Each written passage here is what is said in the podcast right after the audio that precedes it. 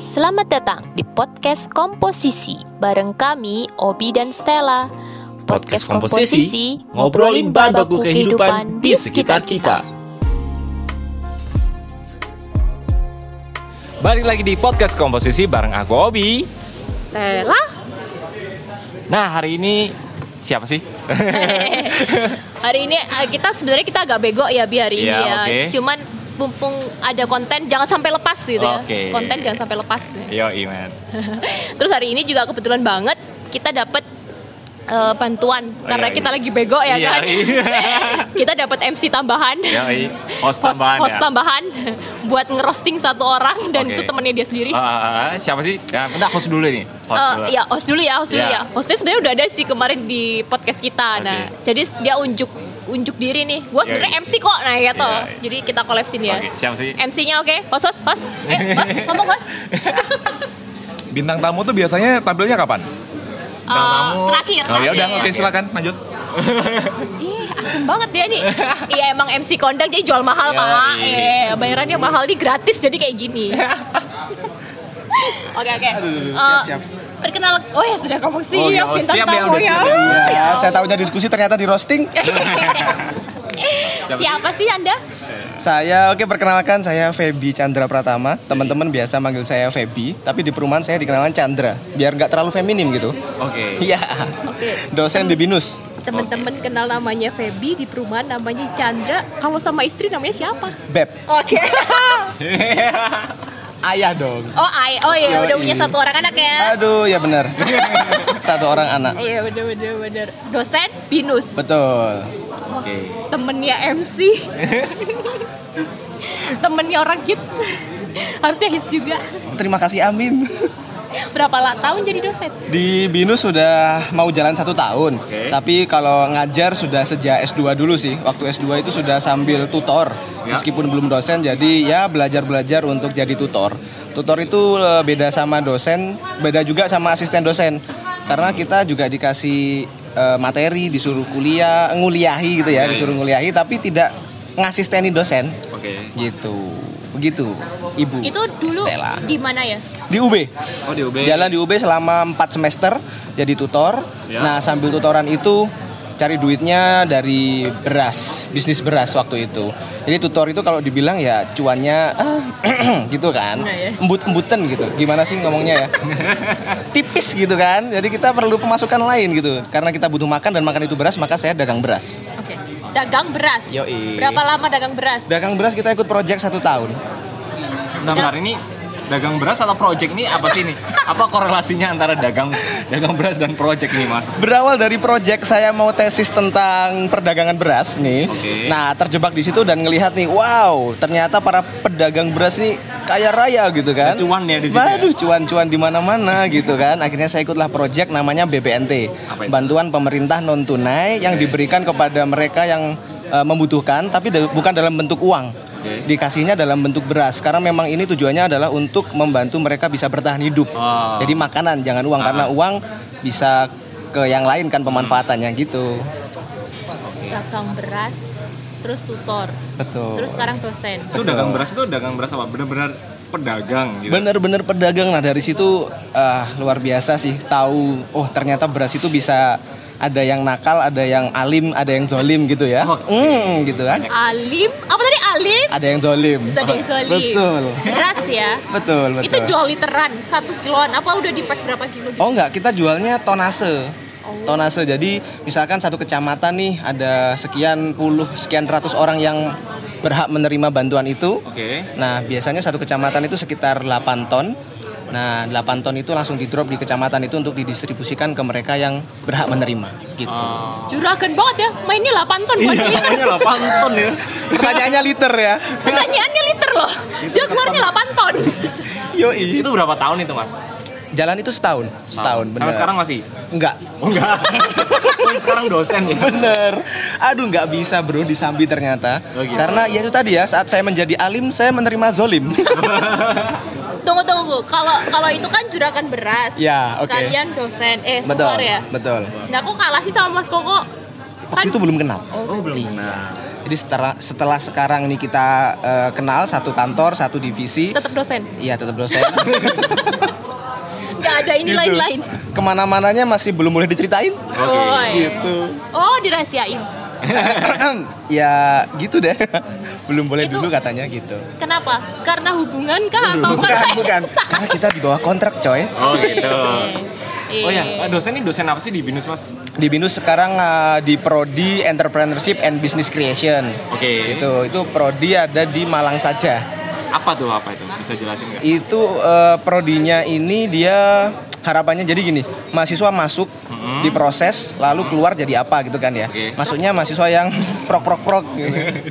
Masuknya nih mahasiswa harapannya ketika masuk di sini mereka dapat ilmu-ilmu yang berkaitan dengan bagaimana membuat sebuah bisnis. Oke. Bukan hanya membuat ya, tapi membuat bisnis yang bisa sustain. Ah, ah. Gitu. Nah, lulus-lulus harapannya bisa menjadi pebisnis yang baik. Ah, ah. Nah, pebisnis yang baik itu kalau versinya pendidikan sih bukan hanya pelaku ya, Ya. tapi bisa jadi konsultannya atau bisa jadi investornya.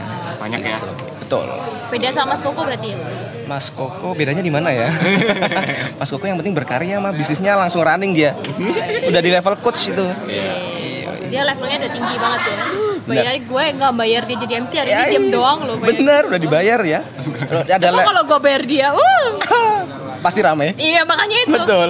Kalau ada langit itu jumlahnya 7, Mas Koko ini langit ke-8, coy. Oke. Oh kayak itu ya, apa apa sembilan naga ya apa? Naga. Eh. Eh apa sih? Iya. Naga Bonar. Ini 9 naga, 9 naga. Iya bener kan? Ya, ini berarti naganya masih delapan ya belum ke sembilan. Mas kalau mau ketawa ketawa aja nggak usah nahan apa. Kesel gue ngeliatnya. Oke, jadi basicnya itu ya, apa namanya? Jadi eh, mengajar entrepreneur untuk Betul. menjadi entrepreneur. Itu ngap- ngapain aja itu teori atau ada praktek-prakteknya sih kalau di prodinya itu? Oke, kalau di BINUS eh, Iya. terutama untuk prodi bisnis ya, Mhm. eh, bukan teori saja yang diajarkan tapi harus ada prakteknya memang Oke. gitu. Sebagai ketentuan. Nah, kita ada namanya kurikulum 2 plus 1 plus 1. Oke. Itu dua semester eh, dua tahun, sorry, dua tahun kuliah di Malang. Ya. Terus satu tahun boleh mobilitas ke Jakarta. Oke. Satu tahun terakhirnya enrichment. Nah, enrichment itu mereka memang dikunci untuk jadi entrepreneur. Jadi enrichmentnya track entrepreneurship. Oke. Jadi selama satu tahun mereka dikasih pengalaman untuk bikin bisnis, Mhm. didampingi oleh dosen pendamping dan oleh praktisi. Begitu. Boleh nanya nggak? Gimana? Umur berapa sih kalau jadi dosen? Saya umurnya masih di bawah 30, Ibu. Di bawah 30 udah jadi dosen ya? Alhamdulillah ya atas doa dari orang tua. Berarti emang panggilannya dosen. Iya. Eh, iya. Lalu gimana secara profesi? Keinginannya emang jadi dosen. Sebenarnya pendidik ya, lebih ke pendidik Oke. gitu. Termasuk waktu bisnis beras itu pun juga ke arah pendidiknya gitu. Karena di sana itu luar biasa ya, banyak sekali ya tadi yang saya sedikit cerita tentang zolimnya bisnis ini Ya. gitu. Eh, banyak nih yang diuntungkan tapi yang diuntungkan lebih ke middleman-nya, Oke. pihak kesekiannya gitu. Padahal mereka tidak tidak ini ya, tidak terlalu berperan dalam produksi. Nah, begitulah di situlah kami hadir untuk coba ngasih pendidikan ngapain sih ada middleman kalau misalkan bisa langsung, Langsung. ke end user gitu Ya. kan. Nah, di situlah jadi lebih ke pendidik, lebih ke "Ya, ini yang benar nih, nah gitu. Jadi itu ya biasanya apa namanya eh, mahasiswa-mahasiswanya pasti tanya nih, eh, Pak dulu emang ngajar entrepreneur bisnis, bisnis apa? Iya, aduh bener banget itu. Jadi ada pertanyaan menarik di kelas nih. Mm-mm. Waktu itu pertanyaannya gini, apakah entrepreneurship itu bisa diajarkan di kelas? mm, Gitu. iya. Ada mahasiswa yang tanya, tergantung pak. Kalau dosennya nggak pernah bisnis, ya gimana bisa ngajar? Iya. Iya kan? Iya, eh. Nah, sebenarnya kalau di kampus itu uh, di pendidikan tinggi yang diajarkan itu bukan bisnisnya. Oke. Gini, tapi bagaimana membuat produk yang inovatif. Mm. Rata-rata di luar sana itu pengusaha-pengusaha yang sukses kelas dunia ya ada Mark Zuckerberg, Ya. ada Steve Jobs gitu. Mereka bisnisnya kan inovatif. Ya. Nah, yang diajarkan itu bagaimana membuat bisnis yang ino eh, sorry, membuat produk yang inovatif. Jadi bukan entrepreneurship-nya, tapi membuat produk yang inovatif itu. Dan dengan muatan entrepreneurship lah baru mereka bisa sukses. Jadi nggak ada jaminan pengusaha itu langsung sukses Iya. gitu. Tapi cara membuat pengusaha itu sukses adalah produknya inovatif dan itu yang bisa diajarkan. Oh jadi kayak eh, itu ya kayak ada as long as I know kayak teori design thinking. Yap, betul. Terus dan lain-lain itu pasti pasti dibutuhkan ya buat calon-calon entrepreneur yang diajarkan oleh masnya. Gua, Yeah. gua berasa kayak ini ya kuliah online. Aduh, enggak lah. Saya yang banyak belajar dengan Kak Stella Wulandari yang dulu fotonya terpampang nyata di, di depan pasar Belimbing tuh. Iya, iya, iya, iya, benar. Foto Wow. terpampang di depan pasar Belimbing Iya. kayak gue yang punya pasar. Gubis diskon. Sumpah bener ya dia dia ini aku ngerasanya kayak kuliah online. Jadi kalau buat sobat yang dengerin ya udah nggak aja kuliah ya kan. Aduh. Sorry nih. Oke, jadi itu ya. eh, Oke. Selama ini ada nggak kayak eh, pastinya kendala-kendala di kelas tuh kayak oh ini teori mulu, teori mulu, teori mulu dua tahun kan tadi aku dengar dua tahun itu teori Mm, terus. mm, mm. Nah itu ada kiat-kiatnya buat nggak eh, teman-teman semua yang mungkin yang pengen kuliah juga di binus someday Hmm. dengan jurusan ini kan pasti takutnya dua tahun tuh teori itu emang teori aja atau gimana tuh? Nah, yang biasanya ini Mas ya, kejadian di kampus nih Ya. ketika mereka ngambil kuliah bisnis, Ah, terus saat pembelajarannya dibantu dengan prakteknya berisa- mereka bisa sukses. hmm. Ada pertanyaan dari mahasiswa gini, Ya. kalau saya sudah sukses, ngapain saya masih kuliah? Iya ya itu itu itu bener banget tuh. Iya kan? Ya, ya, gimana? Kalau udah sukses ngapain masih ke kampus, ngapain masih harus gini itu kan? Mending saya bisnis aja, duit saya udah banyak gitu Iya. kan. Nah, sebenarnya kalau mereka bisa sampai menuntaskan sekolahnya di Mhm. S1-nya itu karena bisnis bukan hanya tentang pelaku saja Iya. tadi ya. Bisa jadi konsultannya atau bisa jadi investornya Iya. dan tidak munafik eh, gelar itu penting. Yes, Iya. gelar itu penting. ya bekal lah ya. Bekal itu ya, betul. Gelar itu misalkan nanti eh nggak taunya nanti Ya. Kok bisnisnya mulai turun gitu terus ada pikiran untuk jadi konsultan gitu kan gelar itu penting Ya sih pasti orang pasti akan kepoin ya. Betul. eh, Background pendidikannya apa. betul gitu Gitu ya. Dari Mas Stella apa nih? Bego dia udah Iya, ada. dia langsung kayak aduh gue harus tanya apa ya. Bego. aduh. Bego ya. Iya. Oh, em, gitu ya. Jadi kalau eh, apa ya kayak eh, jadi in apa ya kayak barometer. Jadi biasanya gini kalau di jurusanku tuh HI kan HI itu oh Mas Obi di HI Ah, Oke, HI oke. itu kayak kiblatnya itu ada banyak banget nih. Ada dari Hmm. negara ini, negara ini. Kalau di entrepreneur tuh aslinya yang diajarkan tuh kiblatnya itu siapa apa sih dan siapa oke di jurusan ini. wadaw Oh ini, ini ada truk ya di belakang Udah, kita. udah, udah, udah, udah, udah. Ini ada truk di belakang kita. iya iya iya iya aduh oke jadi seru banget ya di sini ya deg-degannya banyak. Selain dari pertanyaan-pertanyaan dari Kak Stella dan Kak Obi nih juga ada truk yang mau ngundurin kita Ya ini kan anu podcast kita kan sederhana jadi biar tahu ambience-nya kita mau ditabrak sama truk ya kan. aduh sederhana tapi luar biasa loh isinya ini Ya. Nah, kalau kiblatnya sendiri Mas Obi, kiblatnya untuk entrepreneurship itu di era digital sekarang ya eh, Silicon Valley Pasti ya. pasti seperti itu. Nah, harapannya adalah bikin bisnis yang bisa menggebrak. Ya. Jadi harapannya adalah shifting ya dari kebiasaan yang sebelumnya seperti apa kemudian berubah jadi kebiasaan baru. Kayak dulu nih orang nggak nggak familiar dengan adanya online ya ojek online gitu Ya. ya. Masih enak naik angkot lebih percaya itu atau ojek biasa. Tapi dengan adanya online berubah kan akhirnya kebiasaan bahkan ketika demo besar-besaran tuh di wali kota di kantor wali kota Ya. Masyarakat lebih membela ojek online kan karena Iya. lebih dimudahkan gitu Iya, benar. jadi kiblatnya sebenarnya adalah lebih ke bagaimana menjadi pebisnis yang bisa mengenakkan mengenakkan itu kan Iya. konsumen menjadi lebih mudah lebih gampang ngapa-ngapain gitu sih itu tolak ukurnya ya Ukurnya. karena percaya bisnis itu adalah membantu tapi dibayar Bantu tapi dibayar. ada ledakan apa lagi ini iya membantu tapi dibayar itu bisnis yang keren tuh Oh, gitu. Kok kita kayak wawancara di tengah perang tau gak sih Be? awas peluru Oh gitu. yes Ya. Mas Obi Jadi Gitu. banyak itu udah tahun keberapa sih kalau boleh tahu prodi itu di binus?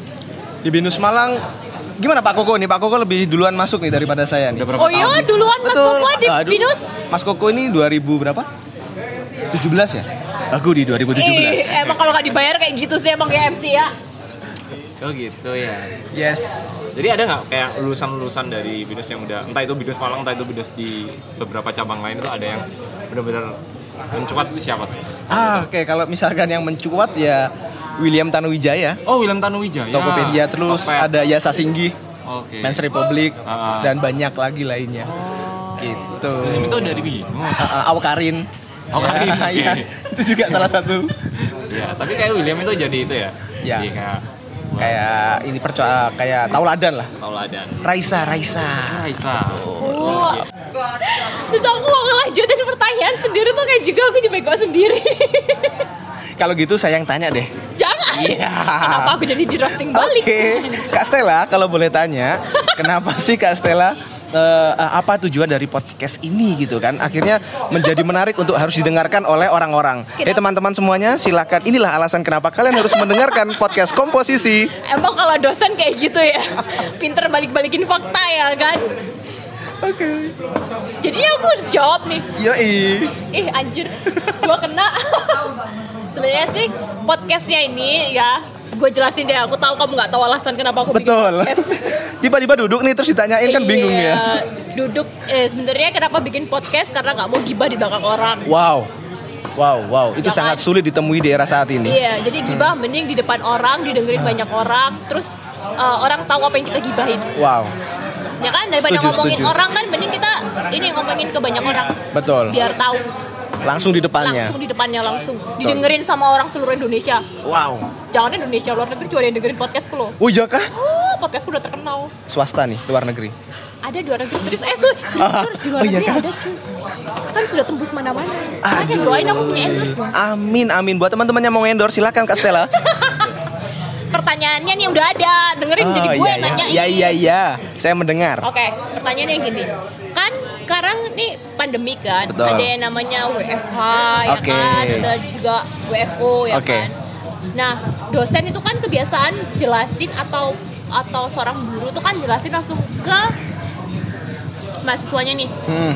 langsung di depan dudut gitu kan Hmm, hmm. terus tiba-tiba harus ngejelasin lewat laptop itu ngeselin nggak sih Ngeselin banget ya, karena hmm, mau nggak mau tapi kita harus adaptasi ya. Nah, Masalah yang paling sering dihadapi oleh kami adalah kita berhadapan dengan anak yang di umur-umur puber nih. Oke. Mereka sedang mencari jati diri gitu. Yang di hadapan aja ketemuan aja bisa kayak gitu, apalagi yang di depan laptop aja gitu kan. Dan kita ketemunya virtual kan. ya kameranya dimatiin kita nggak tahu mereka sedang tiduran sedang lagi ngapain nongkrong di mana kan Oh, kita nggak ya tahu boleh gitu tuh kamera dimatiin boleh ya boleh boleh kita tidak melarang mereka bahkan anjurannya malah saat sesi di apa kita menyampaikan materi dimatiin biar nggak tersendat-sendat. Oh, iya, jadi biar iya. lancar. Karena platformnya kita masih pakai itu kan? Ya.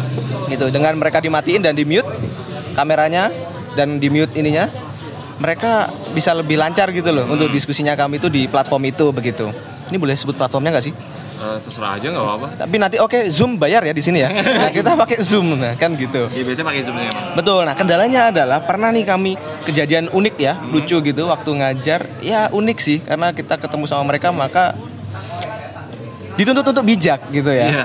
tiba-tiba nyalain oke saya absen silakan nyalakan kamera tang dan saat itu mereka sedang nongkrong gitu ada kekhawatiran tersendiri kan karena covid kita aja nggak bolehin mereka ke kampus Iya. eh mereka nongkrong nah kita kasih sesuatu apa pun itu asalkan sifatnya adalah mendidik Ya. itu jadi ada tugas-tugas lagi atau kalau nggak gitu mereka kita kasih shock terapi dengan mungkin nilainya akan dibikin sedikit bermasalah Iya. agar tidak terulang lagi Ah. gitu kan atau ada sesuatu yang sifatnya mendidik yang lainnya gitu Oke. Yep, jadi masalahnya di situ sih. Masalah. Kayak vibrasinya saat kita ngobrol langsung dan lewat telepon kan ya beda ya. Pastinya. Mm-mm. Ya, dan terutama mata kuliah-mata kuliah yang sifatnya hitung-hitungan yang butuh papan. Ayo bayangin ini kita harus ngajarnya pakai virtual ya. beda. Iya. Aduh, Susah ya itu 10 menit pertama anak-anak mulai mutah-mutah. 20 menit kemudian tiba-tiba hilang. Oh gitu ya. Itu ada set effect-nya. Iya, betul. jadi menarik buat satu pertanyaan nih Iya. Menurut seorang dosen kan yang aku kenal nih ya Mm-mm. eh, kam- kan eh, kampus kayak misalnya kayak kayak kampus-kampus swasta atau negeri di Malang kan dia eh, lebih sering kan kayak nongkrong atau apa kan jadi lebih sering ketemu tahu anak-anak. Oke. Kalau untuk binus kan aku jarang nih ya punya Hmm. temen selain dosennya. Ya, oke. Kelasku tinggi ya. Buat binus gak kenal mahasiswa kenal dosen. Terus eh, menurut seorang dosen binus kenakalan ternakal mahasiswa yang Waduh. anda tahu itu Waduh, waduh. apa ya? Aduh, ini harus- saya harus share aib nih berarti ini. Eh, Bukan chat aib kan nggak nyebut nama pak, cuman Oke. yang Bentuk kenakalan. bentuk kenakalan yang paling nakal yang Ya, menurut pas, dosen pas itu tahu. aja pas live kemarin tuh kayak Ya gitu. contoh kayak gitu-gitu deh. Aduh, oke. nakal yang cukup membuat bukan nakal ya berprestasi tapi seperti Bokong. gimana ya kayak dia tuh mereka disuruh running bisnis Oke. Ah, hilang Hilang. tiba-tiba datang Ah. setelah sekian itu dia hilang terus tiba-tiba datang dan nunjukin pak saya selama hilang ini saya fokus bangun bisnis ini omset saya puluhan juta loh Oke. dalam waktu cuma dua bulan wow. bisnis apa itu dia ceritain semua bisnisnya dari A sampai Z tapi secara sistem kan itu salah Oke. Ya. hilang kan mereka karena ya jadi nggak ada absen nggak ada laporan nggak ada pendampingan Hmm.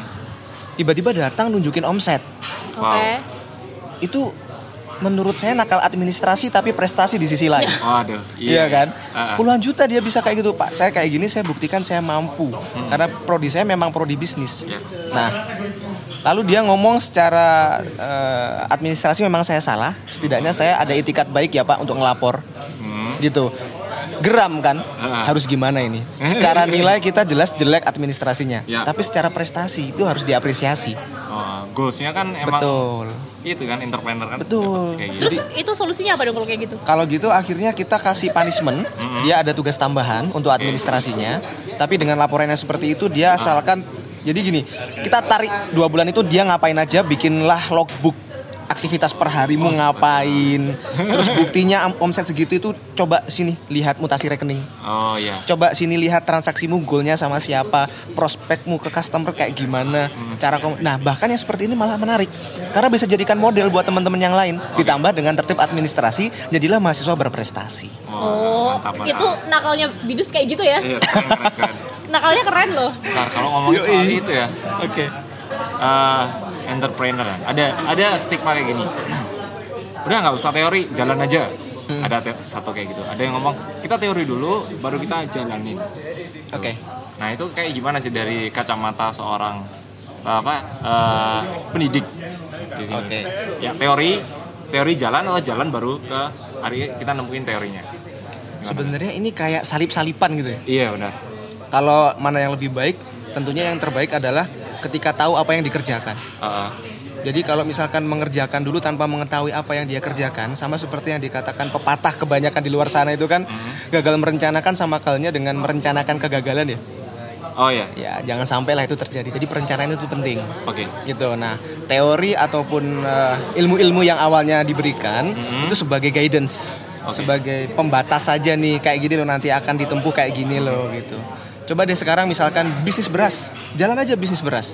Hmm. Kalau kita nggak tahu supply chain-nya, Ya. maka kita akan kepotong-potong seperti yang tadi saya ceritakan. Saya kena zolim itu ada middleman di tengah. Oh ya.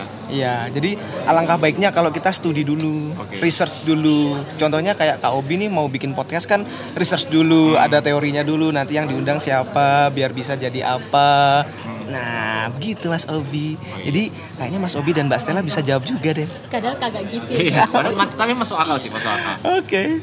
Tapi iya sih. Kita kan bikin podcast nekat doang. Iya, karena eh, dulu itu aku gini mas, ke, aku mau mulai bisnis kayak semi semi digital agency lah. Oke. Oke, eh, kita itu nggak tahu teorinya, kita nggak tahu ilmunya, kita nggak tahu apa apa, udah running, running by doing lah. Oke. Nah istilahnya. gitu. Tapi apakah itu termasuk bener apa nggak? Soalnya banyak banget teman-teman mungkin teman-teman pendengar juga yang di sini tuh kayak memulai sesuatu itu udah mulai aja dulu.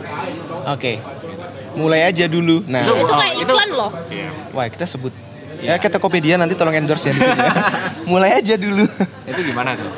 Bagus, tapi sebagus-bagusnya mulai aja dulu kalau kita nggak tahu apa yang akan kita lakukan, Mhm. berangkat aja dulu. Ke mana nih? Ke mana ya? Di tengah malah tengkar kan? Ya. Turunin aku sekarang. Gitu. Nah, berujung, berujung kayak gitu kan? Makan di mana? Terserah, oh, kan? Oke. Nah, jadi dengan adanya teori atau keilmuan contoh nih, kalau misalkan di bisnis kita tahu ada namanya bisnis model canvas. Ya mudah. Nah, kita sampai tahu nih ngantar ke customer pakai apa, Ya. channel distributionnya. Kita Ya. tahu nih nanti kita dapat duitnya dari mana. Hmm. Kita tahu nih mana saja yang harus kita berdayakan. Yap. Orang-orang siapa yang harus kita rangkul. Nah, Hmm. dengan adanya itu sebenarnya bisnis bisa lebih sustain. Ya. Karena harapannya bisnis bukan hit and run, Oke. tapi sustain. Iya. Nah, dengan adanya kita tahu dulu apa yang harus kita lakukan, itu bisa membuat kita jadi sustain. Gitu. Tadi kan sempat ngomong bisnis canvas. Betul. Penting nggak sih itu? Buat seberapa penting buat uh, bisnis? Menurut saya pribadi Ya. penting banget. Oke. Setidaknya kita tahu gambaran umum bisnis kita itu ngapain. Hmm. Bahkan ada orang yang bikin bisnis model canvas itu misalkan nih ya, kita ada customer segmen nih. Ya. Customer segmen cuma ditulis ibu-ibu gitu. Hmm. Daripada nulis ibu-ibu akan lebih menjanjikan kalau kita nulis ibu-ibu yang sedang bekerja dengan pendapatan sekian, aktivitasnya hari ini ngapain aja, mereka mengalami kesulitan apa, detail banget. Ya. Dengan begitu akan lebih sustain kan? Ya. Kalau kita mau jalan, oh tahu kita ngincer ibu-ibu yang dia kayak gini gini gini gini gitu. Ya, tepat sasaran. Gitu. Kayak kita mau nembak cewek gitu kan, Bro? Serius nih gua kuliah online. Eh, kaku banget. Lumayan gratis. Tapi- Bayar SPP-nya dua kopi sejuk gratis ya. eh udah bayar lagi lupa. Aduh. Aduh, di endorse pak. Pak Ba MC di endorse. Hah? Kaosnya tolong pak. Eh, Loh guys, kalian mendengarkan? Ada MC yang kagak bayar teriak.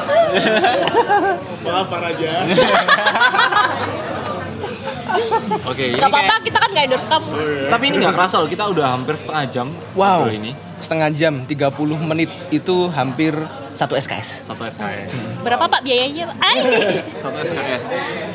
gak apa-apa, lumayan. Nanti dibayar sama Tuhan. Waduh, masya Allah. Terima kasih Ukti.